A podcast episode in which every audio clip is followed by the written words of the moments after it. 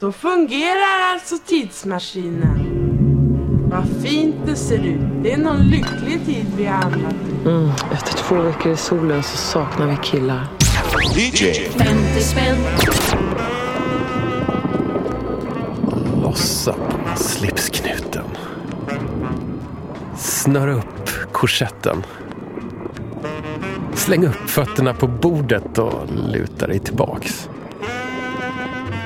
Det här blir en både skön och bildande upplevelse från DJ 50 spänn.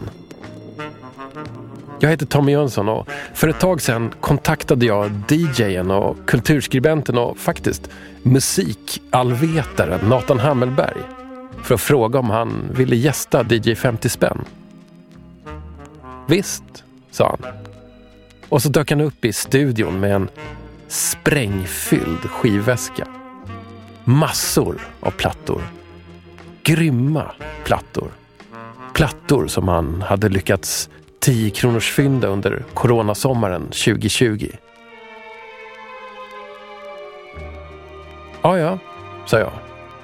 Då kör vi väl en DJ 50 spänn specialare. En Best of loppis-vinyl. Plockad under säsongen 2020. Och vi hoppar rakt in i handlingen.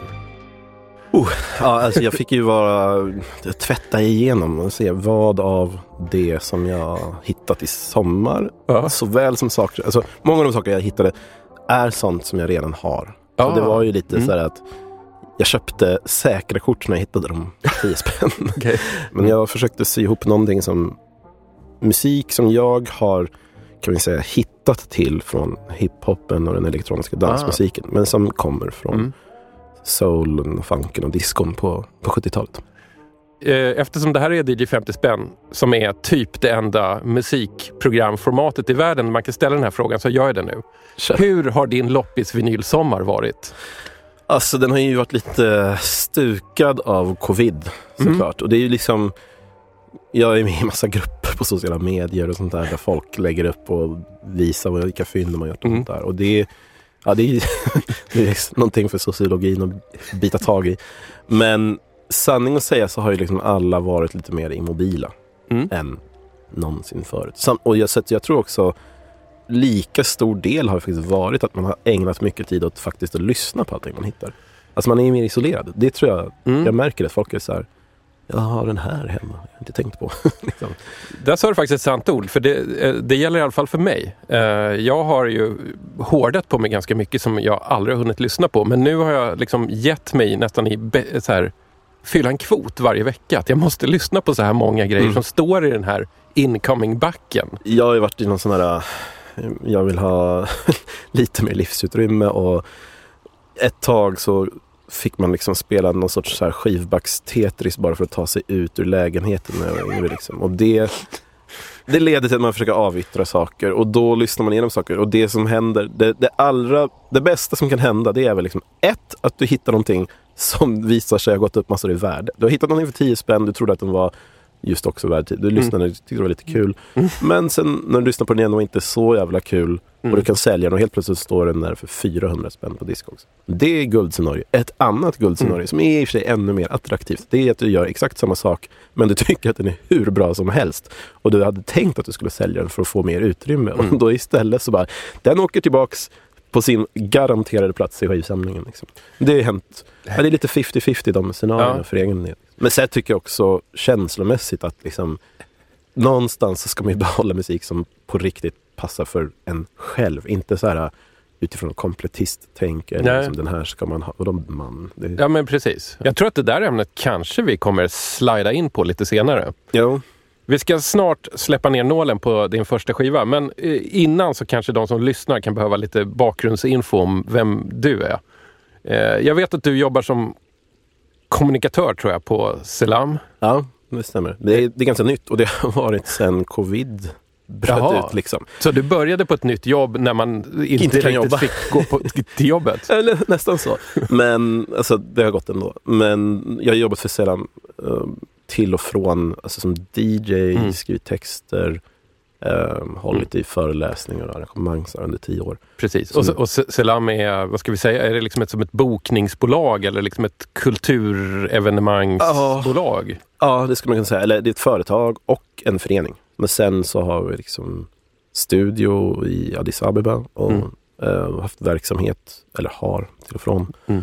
på ja, flera länder i Afrika men också i Latinamerika. Mm. Och med mycket fokus just på alltså musikstilar som egentligen finns rätt mycket i Sverige men inte ges så mycket utrymme. Så Mm. Från liksom mambo, rumba, modern elektronisk dansmusik från södra Afrika, Mm. eh, etiopisk jazz. Mm. ehm, Men då säger ni ju till att det ibland kommer upp hit också. Så, Jo, att, så, att det, så att det ändå kan befästa en, en publik här på något sätt. Ja, men absolut, men jag tror också det är det här att, jag sa faktiskt till min kollega Johan att eh, det känns lite som att man bara gått från att DJa med skivor till att DJa med människor. Alltså, att det, så här, det skapar en Ja. mix av människor. Alltså Mm. genom att signalera, vi vill att de här ska vara förband. Vi vill att de här, vi Mm. vill att uh, Tensta Gospel Choir ska få värma upp för den här jazzmusikern. Eller Mm. för, för att hoppas att man på något sätt kan skapa eh, intressanta ingredienser som,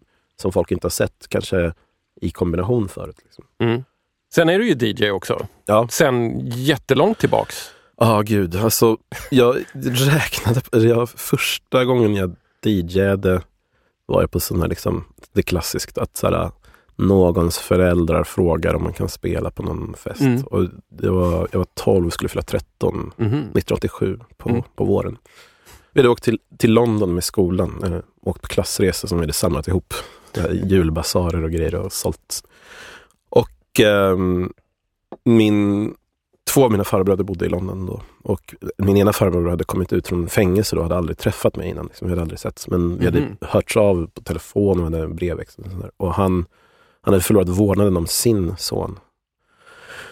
Så jag blev så här sönderlovebombad som att jag var den förlorade sonen för honom. Och Ja. en av de grejerna som han gjorde, förutom att han körde iväg mig och min kompis Peter på en äventyrsresa i London, var att hans eh, kompis David, som var så här, ansvarig för import av hiphop på en reggae-butik som heter Black and Red. Då.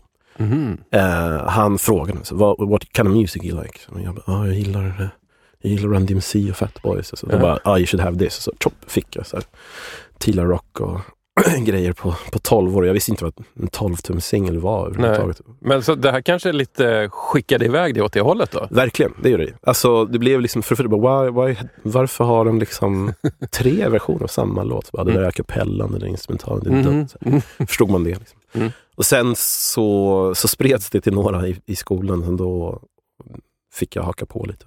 Mm. och, DJ. och sen gjorde man den där grejen, spela på liksom, fritidsgårdar eller egentligen alla möjliga konstiga tillfällen. Liksom. Om du skulle gå ut och spela skivor någonstans ikväll för, för max 50 pers, Ja, just det. vad skulle du lägga på då? Oh, jag tror jag skulle lägga på väldigt så romantisk 60-tals soul. Mhm. Eh, gärna lite så melankolisk och bitterljuv. Typ. Mhm. Eh, men det är nog höstkänslan. Liksom. Och utöver det här så vet jag att du också är liksom kulturskribent. Mm. Jag ser att du är ute och fightas på Twitter en del. Du kämpar den goda kampen där. I try, I try. Hur orkar du? jag vet inte, men jag är ganska mycket så här... eh, Jag processar saker genom att försöka sätta ord på dem. Liksom. Och så Mm. försöker jag för att vara liksom... Jag tycker det är ganska viktigt att försöka att vara ärlig mot typ, vad ska vi säga, någon, ens motståndare. Man ska säga. Inte, inte för att man ska vara en sån jävla schysst person, men därför att du kommer förstå bäst då. Liksom. Mm. Eh, och, och du också någonstans, du lär ju dig någonting av de som inte håller med dig. Alltid Mm. liksom. Det gäller även musik. Att, så här, jag tycker det är en väldigt intressant grej som vi kanske också kommer in på. All den här grejerna som man har omvärderat. Det finns så många artister som man inte förstått sig på, eller Mm. dömt ut och sen så hör man det någonstans i någon bar, någon som spelar. Och så bara, fan är det här för någonting? Det är ju skitnice. Mm. Mm. Jaha, det var dem. Så. Mm. Ibland tänker jag att det är, det är sällan det egentligen är musiken eller artisten det är fel på. Det är kontexten när man Verkligen. hör det som styr om det blir bra eller dåligt för en själv på något sätt. Jag tror att en, en vän till mig, Glenn Sundell, någon gång 97 tror jag, ja, Mm. en massa år sedan i alla fall. Så mina kompisar Kalle och Björn bokade lite så här vid sidan om allt annat jobb de höll på med vid den tiden, vilket var väldigt mycket klubbrelaterat. De bokade på en, en bar på, i Söder som heter WC då. Och så hade de råkat dubbelboka så både jag och Glenn skulle spela. Och jag hade med mig min liksom ett steg bort från hiphop, relaterade soul och funk. Och var också liksom, ja men jag var ganska ung så jag var inne liksom, lite så militant om det, det här är bra musik, det är det här man ska lyssna på. Mhm. Och så kom Glenn dit och har nästan bara med sig country och lite bluegrass typ. Och jag bara, åh. Och jag hade typ också mentalt någon sorts bild av att country det är liksom någon sorts redneck musik. Det är Mm. liksom, ja det är typ soundtrack till KKK ungefär. Jag överdriver lite. Ja, ja. Men jag gillade ju, jag gillade ju egentligen en del liksom folkrock, så här, Mm. Stills, Nash Young. Jag gillade Johnny Cash. Men liksom min bild av country var fortfarande liksom inte helt fördelaktig kan man säga. Och så står vi där och bara, ah, men fuck it, vi får försöka göra det bästa av saken. Liksom. Och så spelar vi liksom så nästan back-to-back varannan låt och försöker hitta det som passar. Mhm. Och då, hur, hur gick det då? Ja, men det gick skitbra. Jag blev liksom, det är som att jag konverterade till en ny religion där. Ja, ja. liksom avlade någon sorts trosbekännelse. Vad säger du, ska vi börja snurra skivorna och köra en lite bäst av 10 kronors vinylsommaren? Let's do it.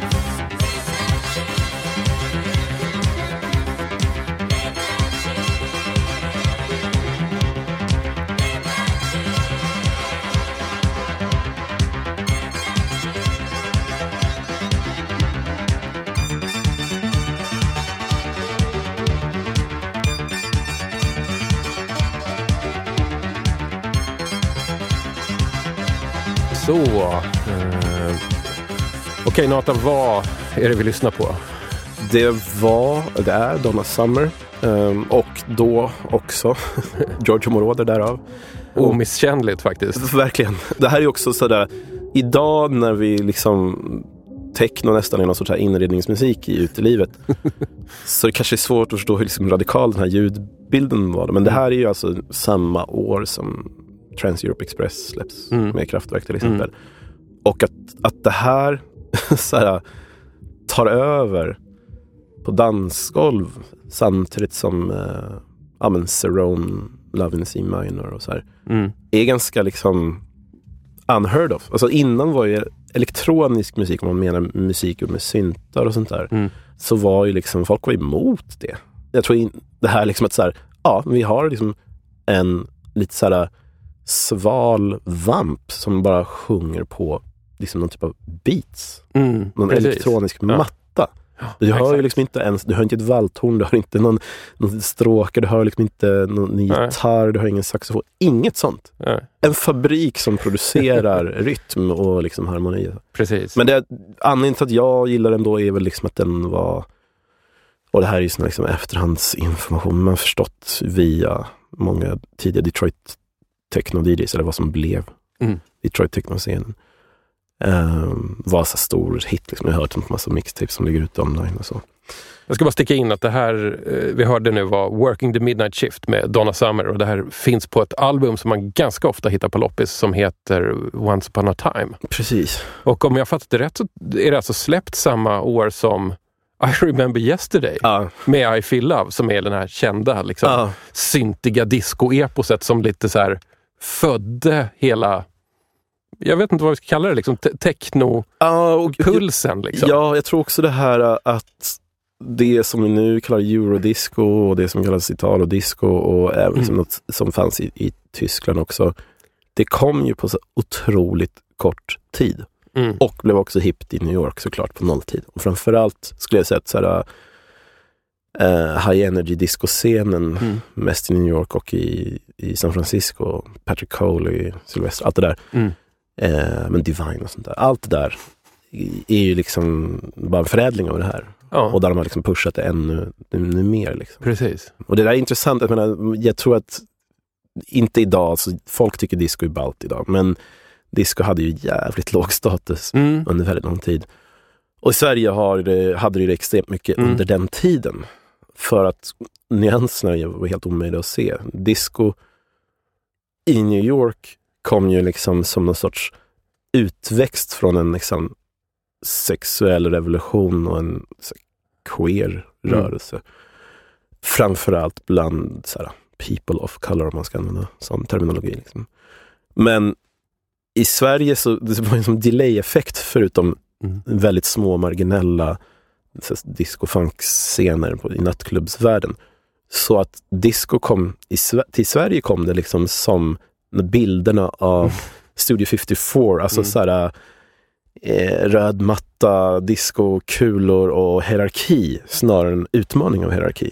Ah, just det. Och liksom Mm. att det kom med Saturday Night Fever som är som en färdig produkt. Ja, en fluga liksom. En, Ja. en, en, en trend, Ja. en, en dröm om nattlivet som inte hade så mycket backstory kanske. Nej, och då blev det liksom en frontalkrock med den svenska liksom, musikrörelsen, liksom proggen. Som, om man, jag, jag ägnat studietid åt att läsa alla nummer av Musikens makt som var liksom den stora tidningen för musikrörelsen då. Mm. Och liksom, det fanns ju då ett sorts här, positiv syn på, låt säga Aretha Franklin eller Stevie Wonder. Mm. Eller en del svart musik, liksom, absolut. Men Mm. Disco, där.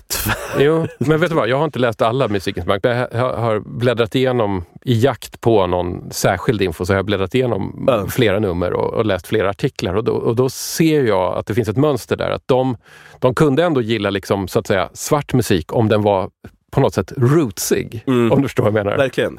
Men, men om det däremot är Donna Summer som sjunger på en discoplatta så gör de, en, då gör de korstecknet där. För det är liksom ändå antikrist för dem. Ja, och det är lite så här antitesen till eh, det finns det här, vet, ett citat tillskrivet Emma Goldman, If I can't dance it's not my revolution. Att så här, Mm. De tyckte väldigt mycket att musik skulle vara i någon så här Pete Seeger-tradition. Alltså trubadur, man med gitarr Mm. som förmedlar ett viktigt budskap. Mm. Det är som att man skulle nästan kunna anklaga dem för att blanda ihop vad musik och lyrik är. Mm. Medan diskon, då var det så här, jag vill röra mig. Att jag rör mig, att jag tar plats, är en revolution. Mm.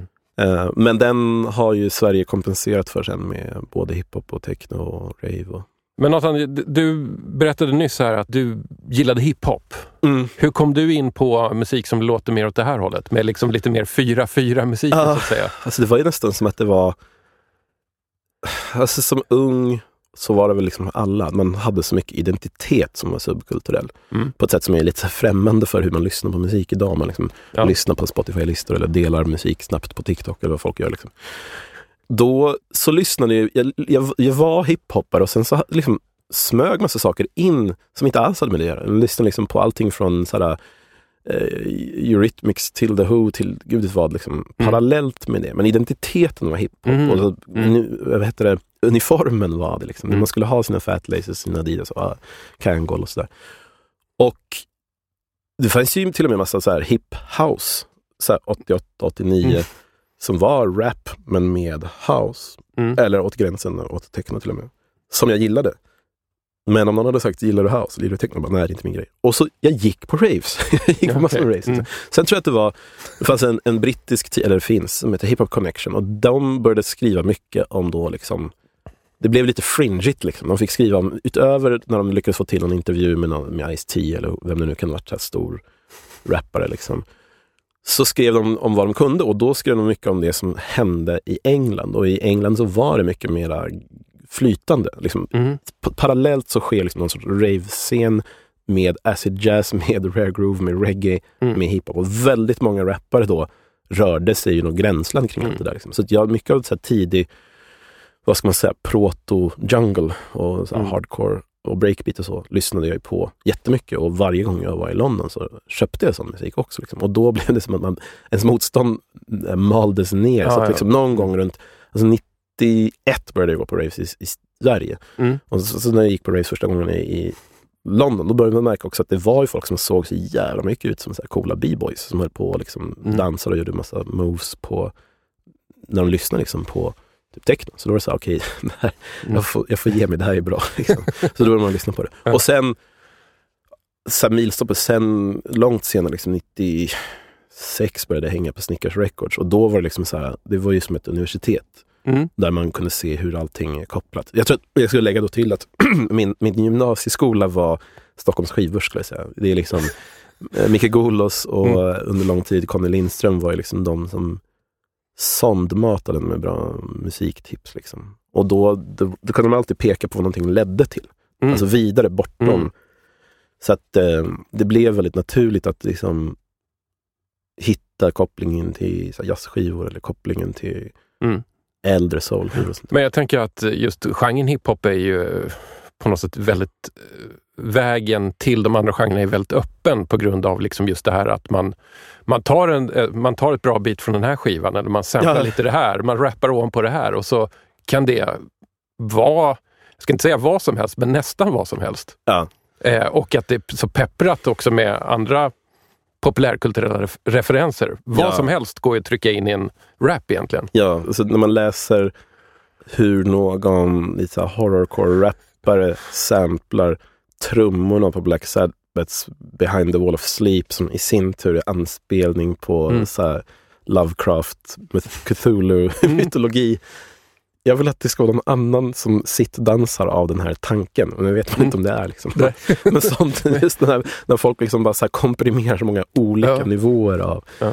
eh, musikaliska referenser liksom, som sitter ihop och, och gör det på ett logiskt sätt. Liksom. Men Nathan, jag känner inte dig så jättebra, men jag ser dig lite som den människan som är alla de här grejerna. För du gillar väl liksom Lovecraft och Ja, fantasy och liksom... Yeah. Så det är logiskt att du kommer från hiphopen och så hittar alla, alla de här vägarna ut och sen kan du sitta och föreläsa om hur jag vet inte, hur Moroder ledde till det och det Mm. ledde till det och här är vi idag.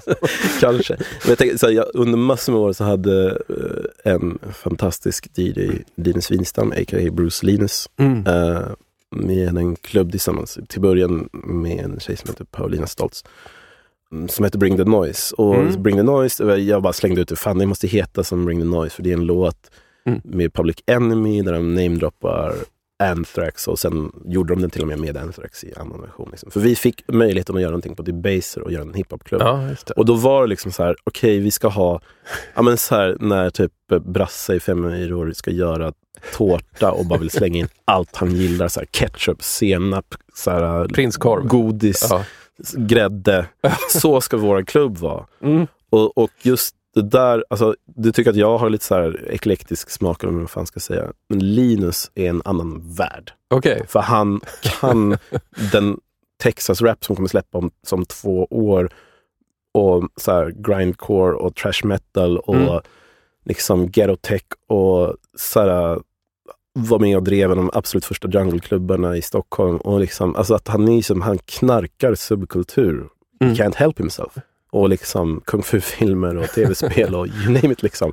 Så jag själv, själv känner mig som en så jävla städad skolgosse när man är med honom. Liksom. Men det är väldigt befriande. Jag tror att, att omges av människor som inte målar in sitt hörn, Mm. kulturellt eller estetiskt. För mig är det så här en av de mest privilegierade man kan eh, upplägget man kan ha i livet. Att, liksom, att Mm. så här, inte behöva göra avkall på jag brinner för det här, eller jag intresserar mig för det här, eller jag är nyfiken på det här. Att inte så här, hela tiden ställa dem i motsatsförhållanden till varandra. Så det, den, det kommer väldigt mycket därifrån, skulle jag säga. E- Egentligen börjar det bli dags att lägga på nästa skiva, men jag bara tänker så här, har vi någonting mer som vi borde säga om liksom, Donna Summer, Nej, jag, Giorgio Moroder? Ja, de, de har ju dykt upp tidigare, för att det här är ju, man vet ju att när man hittar det här för en tia så vet man att mm. man blir inte besviken. Men Moroder kan man säga, liksom, kom väl någon låt med Daft Punk när han är med och han har släppt en ny Ja. nu och sånt där. Men Han, det som jag tänker på som Giorgio, eh, Giorgio Moroders sommarprat, Ah. lite komp. Ja, lite så faktiskt. Men det kanske, man kan ju säga om, väl, det finns en, en bok som heter Total Chaos, The Aesthetics of Hip Hop. Mhm. Och eh, i den, The Art and Aesthetics of Hip Hop, som är en antologi som Jeff Chang har skrivit. Och då så håller Harry Allen, som var liksom Public Enemies, vad ska vi säga, eh, pressagent, liksom. eller Mm. media assassin kallar de honom.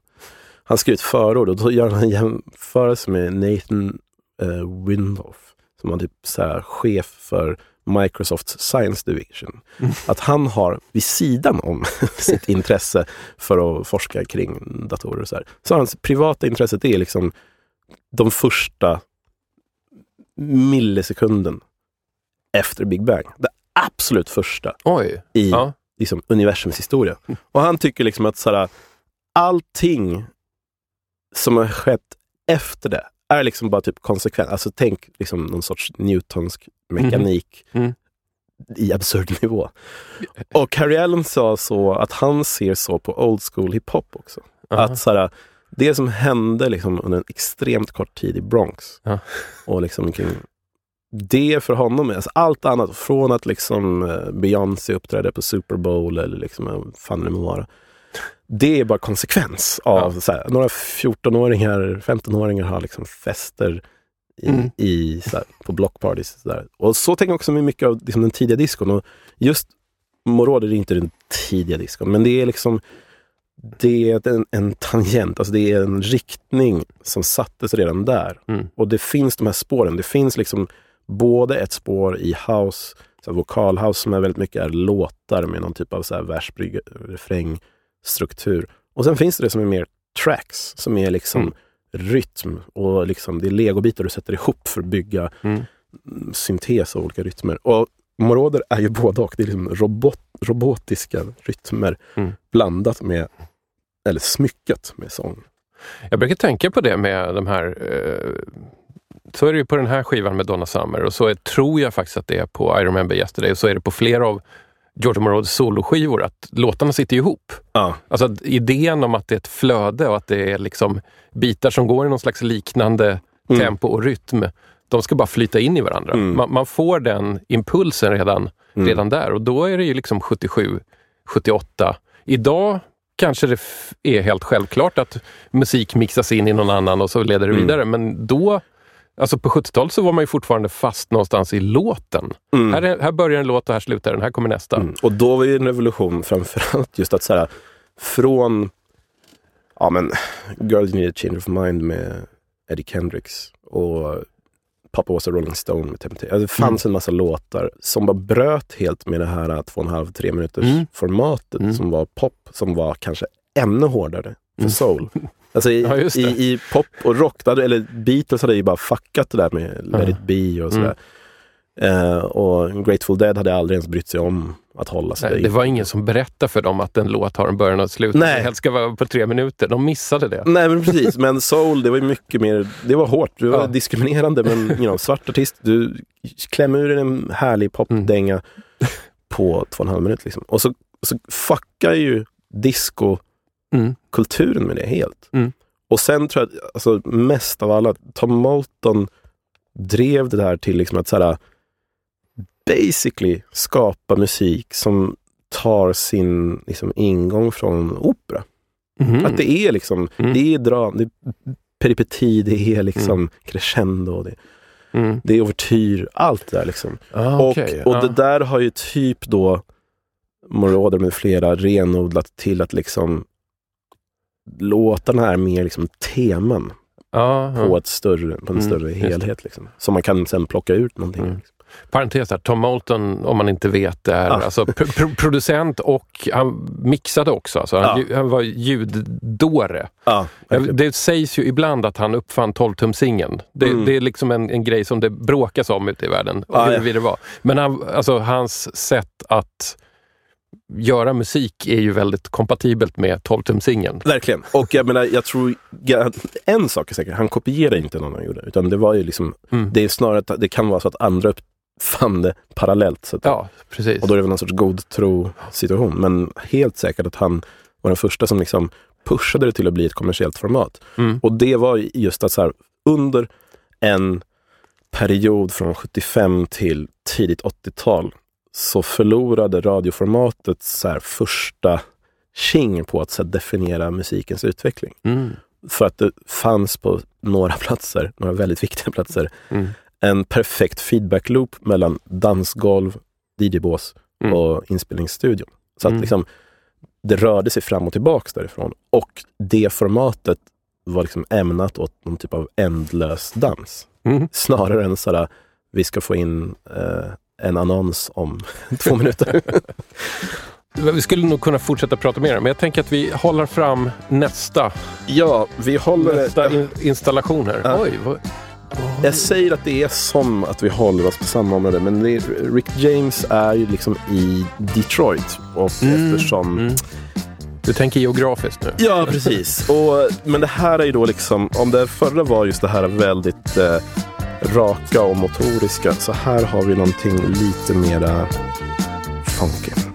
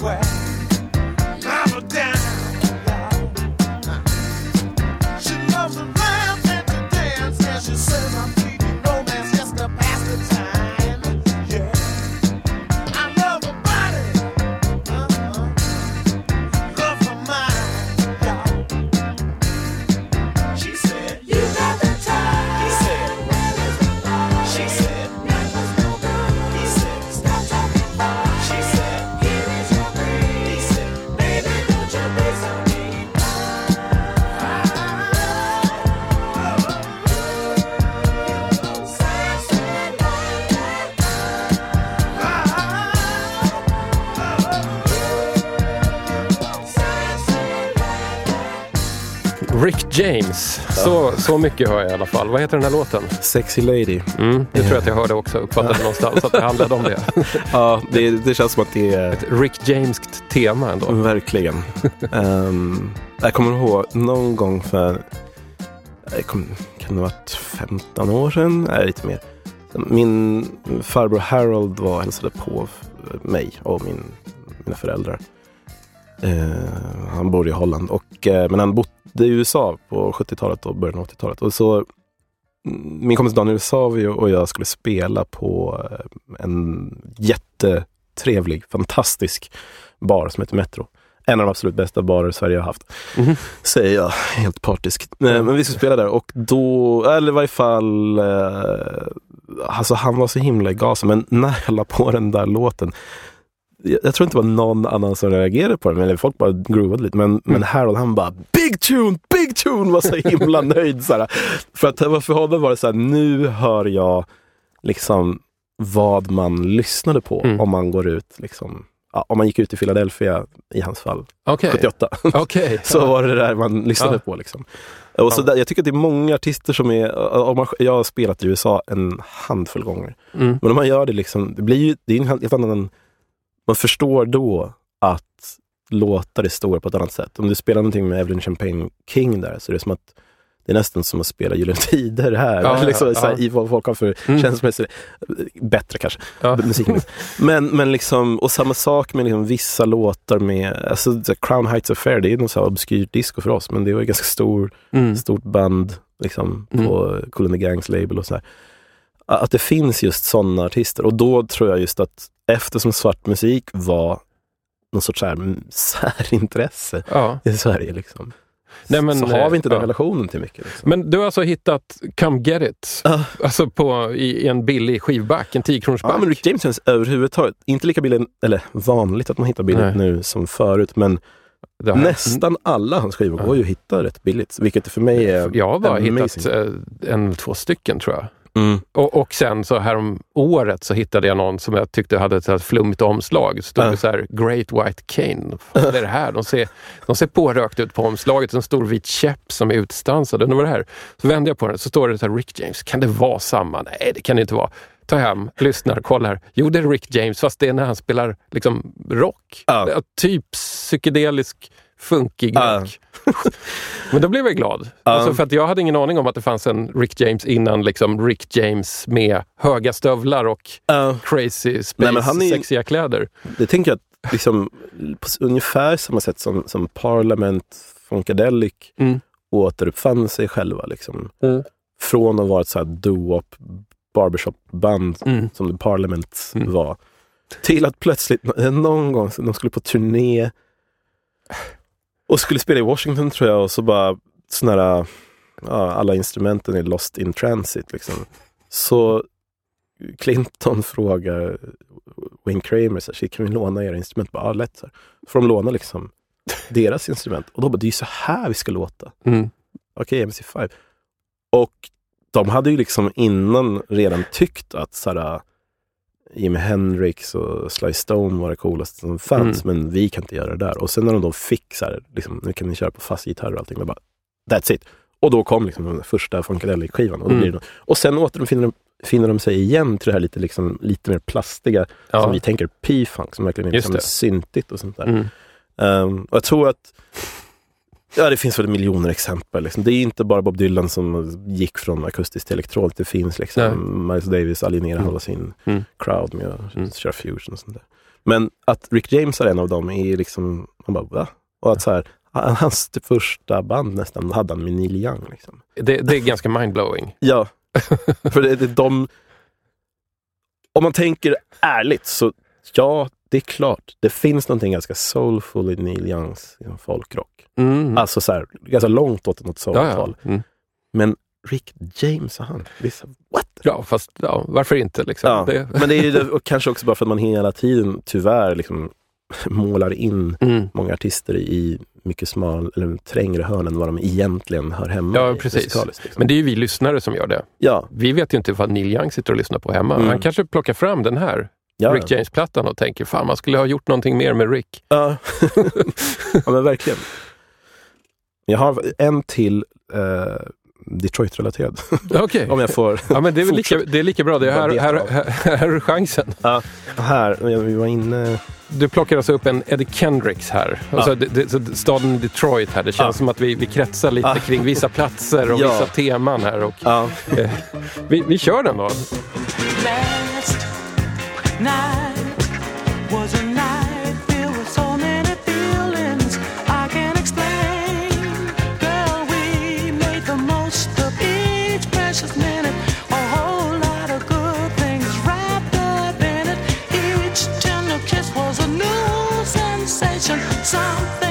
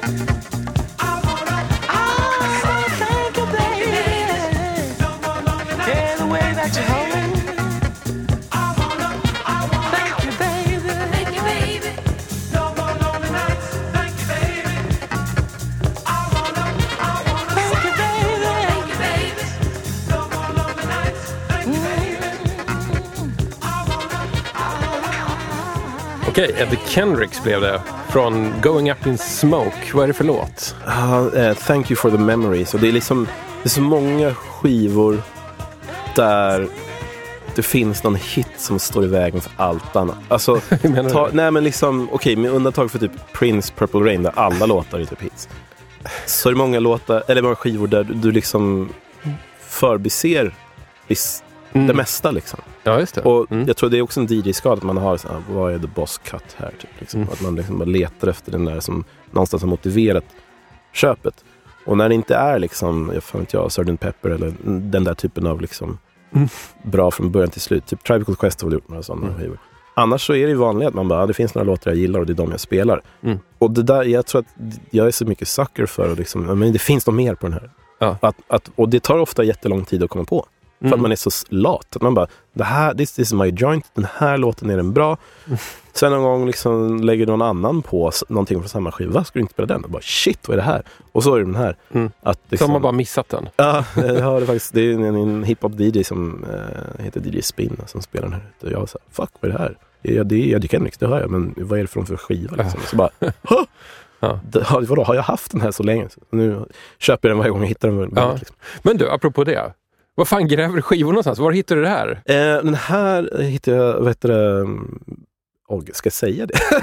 Jaha, nej, är det så Nej. secret location som du men- inte nej, vill outa? Nej, Är det kantarellstället? nej, nej, men inte så. Nej, men det, alltså, det, mest, alltså, det jobbiga tycker jag med Stockholm i alla fall är ju som att om det inte är gårdsloppisar Mhm. så är det som att allt kostar 40 spänn uppåt. Mm, 10 ja. kronors skivor håller på att bli utrotat. Liksom. Det, det det- har blivit svårare. Det, Ja. finns, det finns några ställen kvar, men där, det är ofta så här att då får man verkligen jobba. ja, Jobba, jobba, jobba, jobba för att hitta något. ja. Men det är också jobbigt att soul börjar ju bli värre och värre på det där. Och även så här i bra skick så är det svårt att hitta liksom Det är sant. soul och Mm. rock är liksom i bra skick så sticka iväg till över Ja. 100 spänn även om det är så stora skivor. Ja. Men med, med det sagt, alltså genom åren har jag lyckats plocka på mig väldigt mycket soul för 10 Mm. spänn. Det Mm. kanske inte har varit de här supersällsynta grejerna eller liksom de här stora respekterade mästerverken, men jag, jag har kunnat bygga upp på 10-15 års tid kanske en, en så här bra brukssamling med allt Mm. från Eh, inte den här skivan, för det har jag inte, men flera Temptations-plattor till exempel. Mm. De dyker ofta upp. Verkligen. Alltså Temptations Och det kan man alltid köpa. efter den här, fan heter den, All Direction? Alltså efter, så här, det stora skivor efter Motown-åren, de ser man ju Mm. Ja, skitofta precis. för liksom 10 spänn. Samma sak, alltså, om vi ska ta Motown så hittar man ju faktiskt Mm. eh, ja, men typ Songs in the Key of Life med, Ja, ja. med Mm. eh, Stevie Wonder. Kan du absolut hitta för 10 Mm. spänn i rätt bra skick. och Precis, det är också ja. så här groteskt bra skiva. Bara att den, kan ju kännas Ja, liksom... Att, och där, där är också nästan allting hits. Mm. Det är helt galet. Så är det. Jag kan ibland tänka tillbaks på så här, någon så här bilutflykt i Roslagen, stannar vid Mm. varje loppis och så går man in och så var, det var dräller av soul. Om man står där ute på Mm. landet, någonstans i trakterna kring Mm. liksom Norrtälje eller Österbybruk och så här.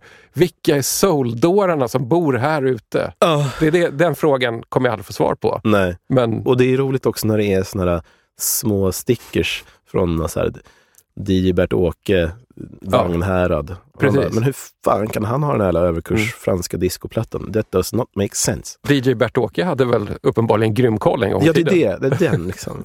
Och Eller- var han hittade sina grejer, det vet vi inte. Jag har ju hittat en del liksom bordering on utrotningshotad musik från Latinamerika och Afrika på de mest otippade platser. Liksom. Men det är också det här att det, går, det går i vågor att liksom för lite drygt 10, 15 år sedan så, här, så var det rätt mycket svart musik, amerika, svart amerikansk musik Mm. från 80-talet som folk bara tyckte det här är bara this Mm. junk. Liksom. Mm. Sen bara började folk höra det i rätt sammanhang och då bara, nej det här är skitfett. Liksom. Mm. Så då gick det från att kosta 10 spänn till att kosta 90 eller 150 eller 200 spänn. Ja.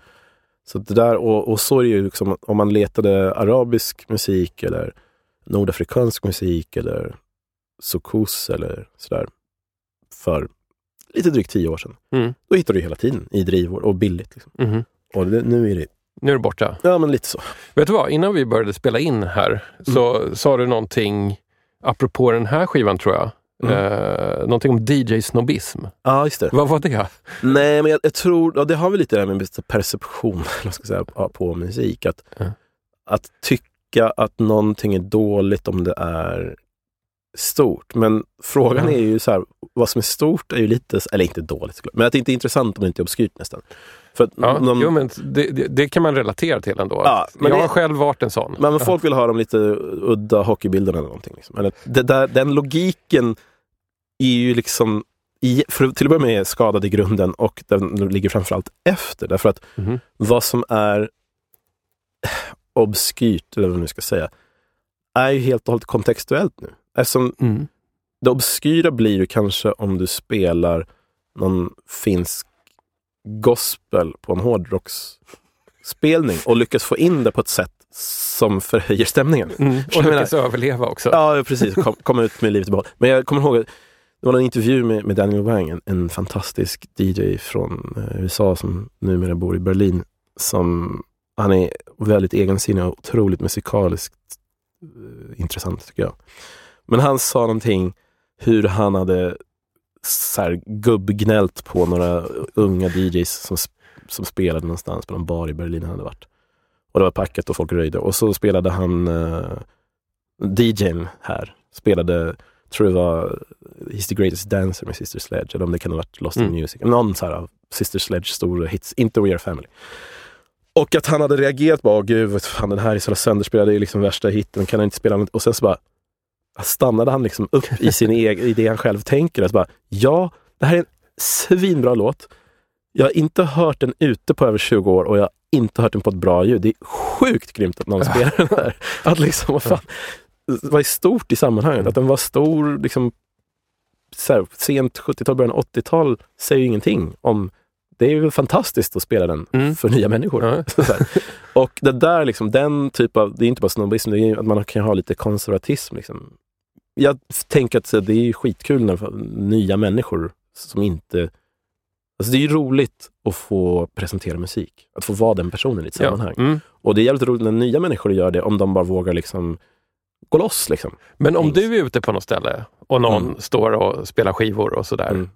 Vad börjar du gubbgnälla om? Ja, alltså, jag tror att jag försöker liksom skippa och tänka på det. Då Mm. är det bara att det inte är superkul. Liksom. Men, Mm. men jag tror att det känner jag nog allra mest, om jag ska vara jättehård, på någon typ av musikalisk hemmaplan. Okej. Alltså att om folk spelar hiphop och det är så här... Jag, jag kan bara höra så så mycket totala bangers tills jag börjar bli så här, men nu fan, come on, spela någon, liksom, I don't know, någon konstig kuduro från södra Mm. Afrika. Eller Mm. spela liksom någon, som ingen har hört, Mm. grime shit. Eller spela någon old school som inte är helt sönderspelad. Eller Liksom, istället Mm. för bara pärlband av jag kan det. hela Mm. låten och allting. Liksom. Om jag är på något ställe så, så blir jag gladast om det är en DJ som spelar skivor som jag har noll relation till. För då, då kommer det mesta bli fräscht på Ja. något sätt. Men om jag däremot är på ett ställe och det är någon jag kanske känner och jag vet ungefär vad det kommer vara för saker. Då, det blir tyvärr lite Mm. tråkigare, även om det kan vara hur grym musik som helst. Mm. Men det, det är just det där att jag vill gärna bli lite överraskad. Mm. Men för mig går det igenom i så att jag orkar ibland inte ens välja musik för att jag, är- jag är så panikslagen av att det finns så mycket val. Mm. Alltså dels digitalt, dels sånt som man bara sköts över och sen för att jag har kanske för mycket skivor själv för att jag ens ska orka välja. Mm. Kanske därför jag gör DJ 50 spänn. Det är mycket lättare att ge en 50-lapp till någon annan och så säga kom tillbaks med fem skivor så får jag höra någonting och så blir sammanhanget ändå nytt. Mm. Du, eh, jag tror att vi är inne på den näst sista skivan. Ska vi slänga på den? Ja, men lätt. Ehm, vi byter... ehm, ja, jag vet inte vad man ska säga att det här är för stad.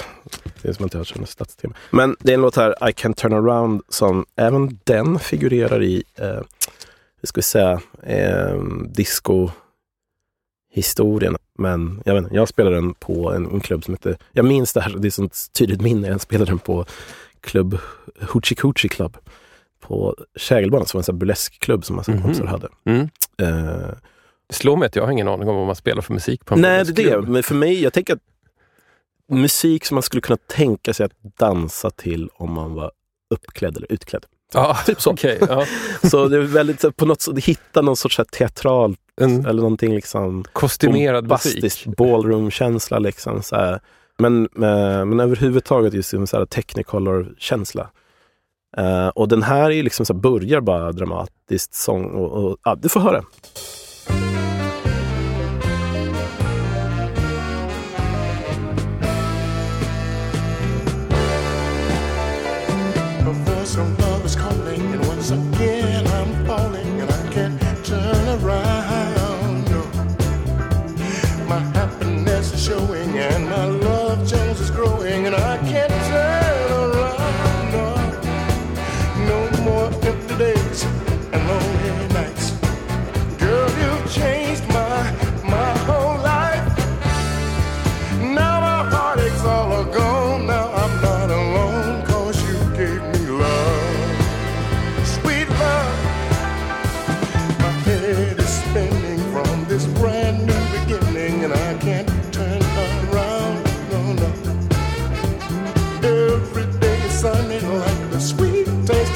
I can't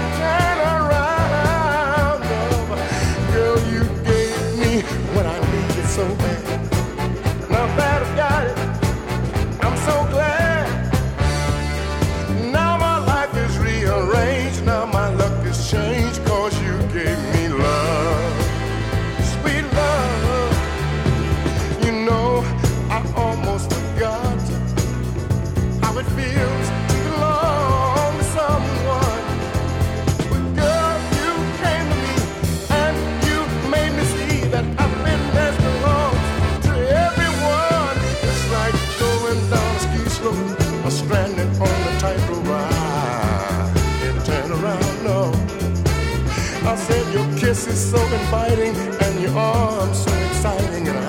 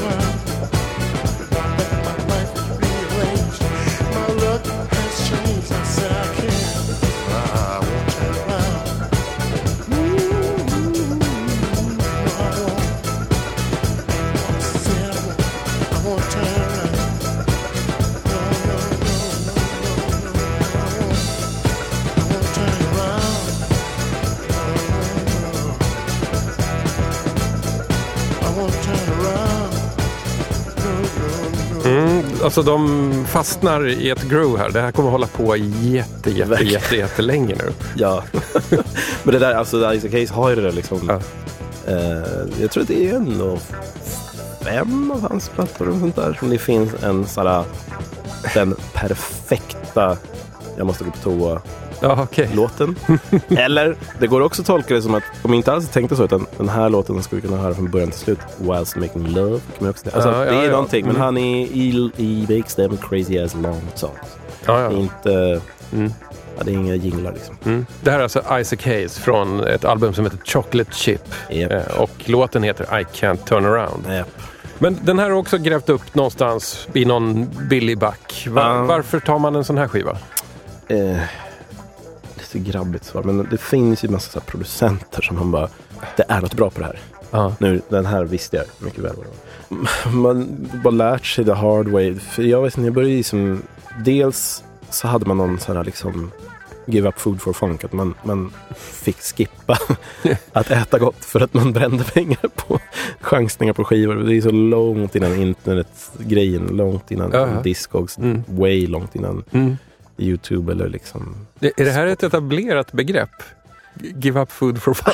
Ja, eller det, det låter framförallt. Det låter är bra. Man hade det som sin konstiga nörd Alltså det var ju inte någon, jag menar jag ska inte säga, det är klart folk tycker att det är lite ballt och någon Mm. är DJ.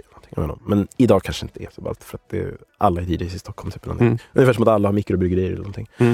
Eh, men, men vad heter det, men när jag var liten då var det ju mest en konst, alltså det var ju precis som att så här, samla på några häftiga bilder eller någonting. Mm. Några få tycker att det är intressant, alla andra tycker att man är en tönt. Liksom. Mm. Eh, men ändå, om man ville in i det där mycket djupare, för man själv tyckte att det var coolt, då var det så här, okej, jag har som så här, 100 spänn i veckopeng eller vad det nu var. Mm. Och sen liksom jobba lite extra. Och så liksom, att man fick vara lite så här kreativ ju. Och då började man bli så himla metodisk. Tänker jag. Att Mm. man liksom tittar på liksom röda trådar eller så här, bara så här, ah, den här, den här vet du, skivan spelar Bernard Pretty Purdy slagverk på, eller trummor på. Mm. måste vi kolla den. Liksom. Eller Ron Carter spelar bas, okej. eller King Harrison spelar kongas. Och så går man på det liksom. Mm. Och sitter och bara läste sönder all den här Mm. informationen. Leta, alltså ledtrådarna egentligen. Ja, det är ju coola med typ Isaac Hayes och med Curtis Mayfield. Och att de är supertajta i det de har arrangerat och producerat. Och inte Mm. bara sina egna grejer utan för andra. Liksom. Att Mm. det är så här, det kommer vara något fett där. Och det är liksom, sen lär man ju sig känna igen, man bara, det här är, du sitter och lyssnar på reggae från 75, ja det här måste vara Bunny Lees trummor, eller det hör man ju på cymbalerna. Liksom. Att, som man kan höra med Prince trummor från 80-talet. Så Det här, Mm. det är den signaturen. Liksom. Mm. Murray Whites trummor är också lite så att man bara, det här är Murray White-produktion måste det ju vara. Liksom. Jag älskar ju att chansa, men man vill ju ofta ha någonting att gå på när man chansar. Liksom. Men du, eh, Isaac Hayes, eh, som dog för 10-12 år sedan tror jag va? Ja. Ehm, det är en ganska lång och vindlande liksom, karriär kan man säga. För han började någonstans som någon slags in-house låtskrivare snedstreck producent tror jag. Ja, Stax kanske, eller ja, jag minns inte. jo. Och sen blev han egen artist och sen skriver han liksom Black Exploitations-genrens nationalsång. ja, Theme from Shaft. Och så blir det, sen blir han Black Moses. ja, Och sen gör han lite disco. Så här, Isaac Hayes Disco Connection. ja, Vanlig loppisskiva faktiskt. ja. Eh, och, sen, och, sen, i och sen vet jag att han, han dyker upp i, efter det. Så dyker han, jag vet inte om, om liksom musiken slår ner. För sen börjar han dyka upp så här, på så här konstiga små cameos och biroller i filmer och tv-serier. Sen slutar det någonstans att han är rösten till Chef Ja. i South Park. Det är så här, har, har du någon favoritfas i, i liksom Isaac Hayes? Ja, nej men alltså, Karriär. Så, ja, det blir lite löjligt att påstå att något annat än liksom hans första, liksom, ja, men, Hot Buttered Soul och Mm.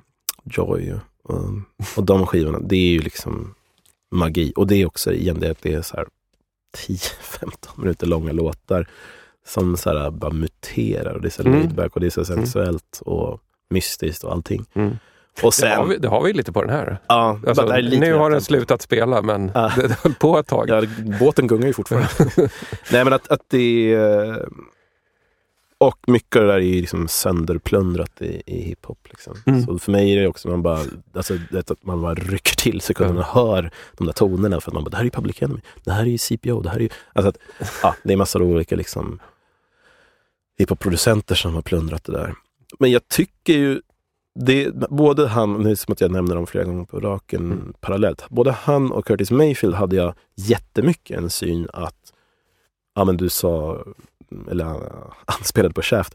På Mm. samma sätt så liksom Superfly med uh, Curtis Mayfield var ju också någon typ av så här, här står han at the height of his powers och bla bla. Mm. Liksom. Och jag tyckte det så mycket att jag typ inte var så superintresserad av hans skivor från sena 70-talet. Mhm. När jag var mindre, jag var så här, men det där, då, Mm. då, då hade han blivit tråkigt. Typ, så, här. så jag sov på det rätt länge och sen så när man hörde det ordentligt så bara shit, det här är asbra det är med. Mm. Inte lika bra kanske.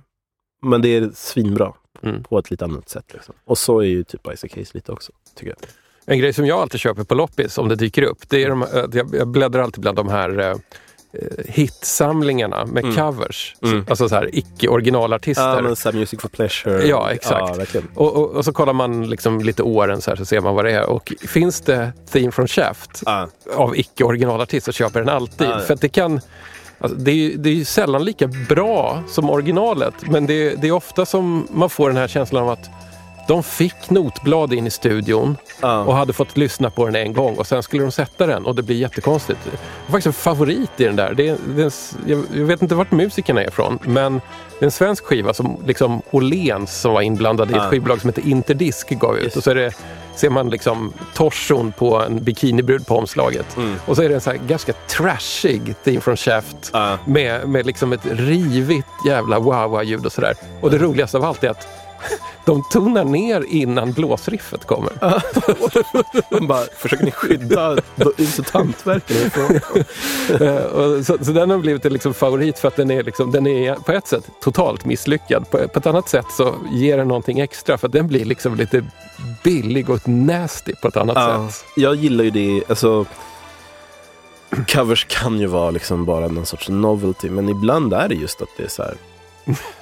Alltså, jag tror att det, det har nästan för dåligt anseende i, ja, nu blir det väldigt mycket musikteori, men jag menar, Ja, go, go nuts. men Trisha Rose som är, hon är ju liksom the godmother of hiphop studies. Mhm. Hon pratar ganska mycket om, om versioning och att i, ur ett så här europeisk musiktraditionsperspektiv Mm. så är ju liksom att vara en duktig med musik handlar ju om någon typ av en, en viss syn på originalitet. Mm. Mm. Alltså att skapa ett helt egna verk. Mm. Medans det är något sorts, här, inte så, man är liksom, det är lite dansband att göra covers. Liksom. Mm. Men i en svart, och jag, det här jag menar är kulturellt då, då svart musiktradition, att göra en version, alltså sin version. Det är ju liksom bara att här är mitt försök, eller här är mitt bidrag, här är Mm. min tagning på det här. Det är det alltså, tar, tar du jazz, då är det ju så här, Body and Soul, Summertime, Night in Tunisia, Car- det Ja. finns ju hur många Men låtar det- som helst ja. som är, det här är liksom, så här gör jag den. Mm. Och reggae är ju ännu mer så. Det, Mm. det är liksom, Mm. det är det mest naturliga i världen. ja.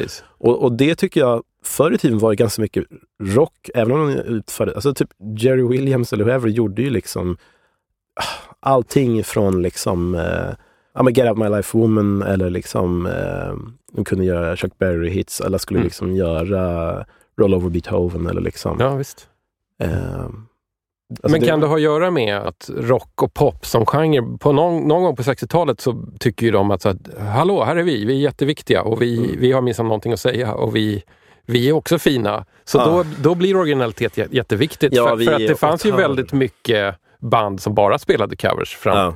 Men de blir liksom lite bortglömda sen, eller blir dansband Ja. eller någonting annat. Jag tror att också de fick upphovsrätt, att det liksom, pra- praktiken blev att de lyftes fram Ja, som säkert. egna. Mm. Och så, så då fick de ju liksom en, en. Mm. ekonomiskt, ett, ett ekonomiskt intresse i det. Men den tidiga rocken var inte så. Nej. folk, svenska rockband skulle låta som Bill Haley och köra samma Mm. låtar. Liksom. Ja men exakt. ta- Det så här- fanns en standardrepertoar. Ja, Just det, standards är ju vad det heter i, i jazzvärlden till exempel. Och det är verkligen inte fult att spela en standard. Det är ju snarare, du, du kan ju bara bevisa att du har något att komma med om du kan mätas mot andra Ja, med det. de låtarna. Mm. Medan att hålla på och låtsas att jag har gjort något eget fast du gör Beatles-pastischer är typ legit i viss pop. Liksom.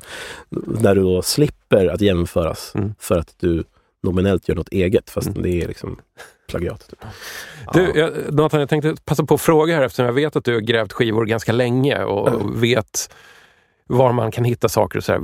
När det handlar om sån här, vad ska vi kalla det, 10 kronors soul, som ändå är en kategori på svenska loppisar skivbörsar. Mm. Vad, vad är det roligaste du, du har hittat för en sån här liten guldpeng i Sverige? Det är ju ganska många skivor som man har hittat som är typ hittat um, alltså Odyssey några gånger med Mm.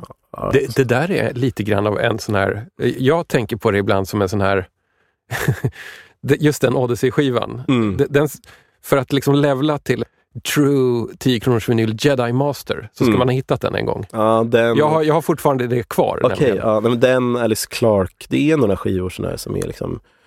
Man får väl lägga till att liksom en så stor del i det där tror jag är just att Sverige var inte bara bra för liksom så kallad svart musik.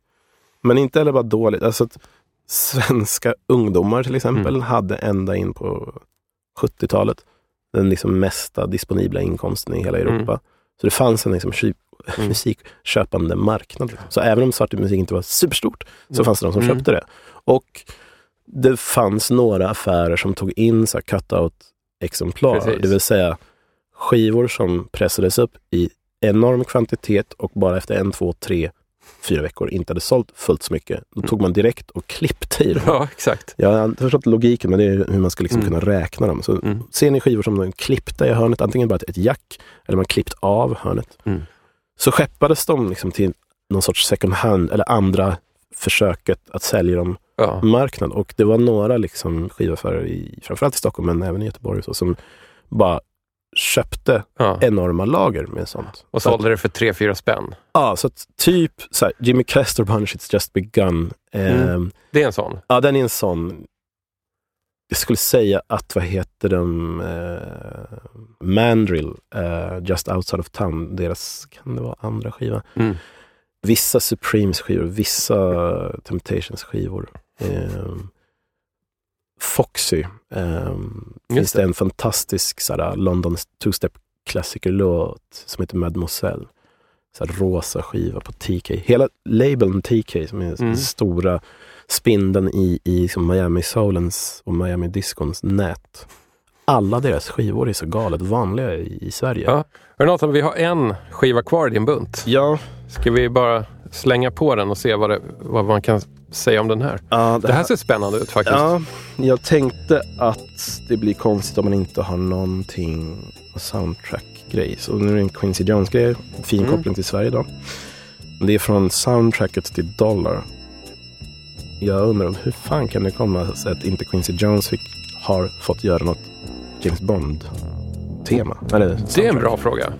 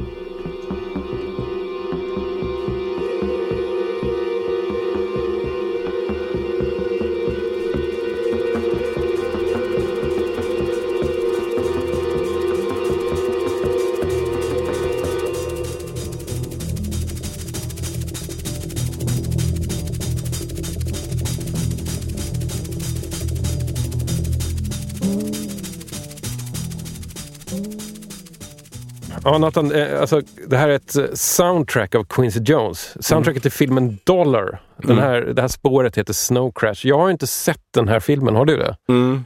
Vad va, va, vad är det för film egentligen? Alltså, det är liksom en, någon sorts eh, action thriller skulle man kunna säga om det inte vore för att det är så mycket komiska inslag. Så Okej. liksom. alltså, jag vet inte, Only in the 70s kanske man ska säga. Jag försökte se filmen framför mig. Jag såg Mm. kanske någonting så här, eh, den perfekta stöten. De har ett Ja. litet tidsfönster att Ja, liksom, verkligen. göra en viss Det är lite sak. blåsningen-känsla. Ja, det skulle ju kunna funka till liksom Jönssonligan. Ja, verkligen. Och det där tänker jag också att det där, äh, liksom, jag älskar med, med filmmusik, att väldigt mycket filmmusik som jag har snappat upp, Mm. har jag gjort utan att ha sett filmerna. Mm. Att man bara, aha, det här är liksom, eh, ja, jag vet inte, men om det är, säg, Lalo Schifrin eller Mm. Morricone eller och, och så det är klart att man inte har sett de flesta filmer de har gjort musik till. Nej. Eh, men man bara vet, ja men fan, Lalo Schifrin har gjort musiken till Enter the Dragon och Mission Impossible, det måste vara fett. Så chansar man och så är det någonting som är skitcoolt, men man har ingen aning om Alltså det, det, det blir som en inverterad version av att liksom här, sitta och titta på moln och associera vad det är. Utan här hör jag någonting och då försöker jag måla upp vad det är. Mm. Nu smyger de bakom och ska så här gömma sig. Den här hade ju lite, lite av varje också. Det var ju Ah. den här krypande känslan och så ökar intensiteten så kommer det någon, någon konstig elektronisk grej och sen på slutet så tycker jag att det låter som början på någon Can-låt. Ah. Någonting med bara basen och liksom trumrasslet som var... Mm. Jag blir alltid så nyfiken på hur nära Mm. jobbar Mm. eh, kompositörer av filmmusik med liksom regissören eller läser de manus. Alltså, Men jag tänker alltså att det, det måste ju tajma till filmen. Så jag Mm. tänker att alltså, filmmusiken kanske du är nästan det sista du gör. ja, de kanske har en rough cut och så bara, okej, men jobba på det här temat och så nu sätter vi det liksom. Nu har jag inte superkoll på Quincy Jones och soundtracks. Har han Mm. gjort mer? Mm, jag tror att han gjorde liksom till typ alla de här stora eh, Sidney Poitier-filmerna. Mm. Guess Who's Coming to Dinner, They Call Me Mr Tibbs. Liksom, jag tror att han slutade att vara i första hand en jazzorkesterledare eh, eller Mm. band- bandledare. Alltså det var han liksom på början av 60-talet. Men sen när han fick, landade det gigget i Hollywood, att liksom, Mhm. du får göra filmmusik. Han kom ut ur det, eller lämnade det inte helt, men han kom ut ur det snarare som liksom någon typ av allmusikkonstnär. Mm. Alltså, och sen liksom, oh, by the way, kan du liksom eh, coacha den här Michael Jackson när han Mm. klipper med Motown? Mm. Bara, Hell yeah. Men vadå, var, var det så att, han, alltså att, att eh, det här, såna här grejer, filmmusik, att det var liksom bryggan från jazz-Quincy till jag kan göra allt-Quincy? Ja men alltså, tänk, alltså, kompis Daniel som sa om, om vad heter det, We are the world. Det måste ju vara värre än att liksom, Oh. alltså typ att hålla ihop Mm. de där fucking miljonärs, mångmiljonärs, till och med miljardärs Ja. Ja. Att så här, ja men du ska nog bara sjunga två rader, är det okej? Okej. liksom, folk som är vana med att jag ska liksom headlina festivaler och uppträda då. Mm. Nej men jag tycker väl att det som han gjorde på ja, sent 60-tal, början av 70-tal, det är där som Mm. det är som absolut fetast. Mm. liksom. Men det är hiphop-skada. Det är jävligt mycket av det där som DJ Premier har ryckt ut så fyra sekunder om ens. Och gjort någonting helt galet av. Liksom. Det här var fantastiska Best of Loppis vinylplattor. Men först ska man få liksom typ, mm, samla det man haft på någon vecka liksom, Ja. versus på en vid ett Ja. tillfälle. Ja, Men- visst. Eh, Det finns en sista uppgift Okej. för dig Mm. att fylla. Mm. Och det är ingen som kommer undan den här som är med i DJ 50 spänn. Okej. Om du vänder på dig och kollar på översta hyllan så, Ja. så finns det en liten flik som sticker ut där och på den står det James Last. Ja. Och nu börjar du kallsvettas kanske och tänker Okej. att det här kommer bli jobbigt. Ah. Kolla på, den översta hyllan. Så får du liksom plocka ut en James Last-skiva där så tar vi ett litet. Spår. Ja. Eh, Gud, jag vill ju, om det går så vore Jag hoppas att Okej, det var... eh, medan Nathan letar upp ett eh, James Last-spår att avsluta det här programmet med så drar jag lite eftertexter. DJ 50 spänn är en oberoende, ideell, icke vinstdrivande, just for the hell of it podcast som görs av mig, Tommy Jönsson. Inner City Blues är jävligt bra på den här. Och om du gillar det du hör, sprid gärna vidare. Dela på sociala medier, tipsa en granne, en vän, ett husdjur, en släkting, en dödsfiende, vad du nu har. Jag, jag gillar ju James Last. Eh, och vill du simma runt lite mer i mitt expanderade universum så kan jag tipsa om att det finns en Facebook-sida att lajka, DJ 50 spänn. Det finns ett Instagram-konto att följa, DJ 50 spänn. Det finns ett Twitter-konto att följa, DJ 50 spänn. Och på Facebook så har jag också startat jätte, jättemånga nördiga, eh, vad ska vi kalla det, musiksamlargrupper. Det hittar de från min Facebook-sida. Nu ska vi se om det blev något James Last här. Ja, det blev här. Mm. En, en av hans bättre. Mm. Jag gillar Easy, easy to be hard. kan man köra. Jag, tyck, jag får ju lägga till att jag, jag tycker genuint om James Last. Men Ja. sen tycker jag ju om...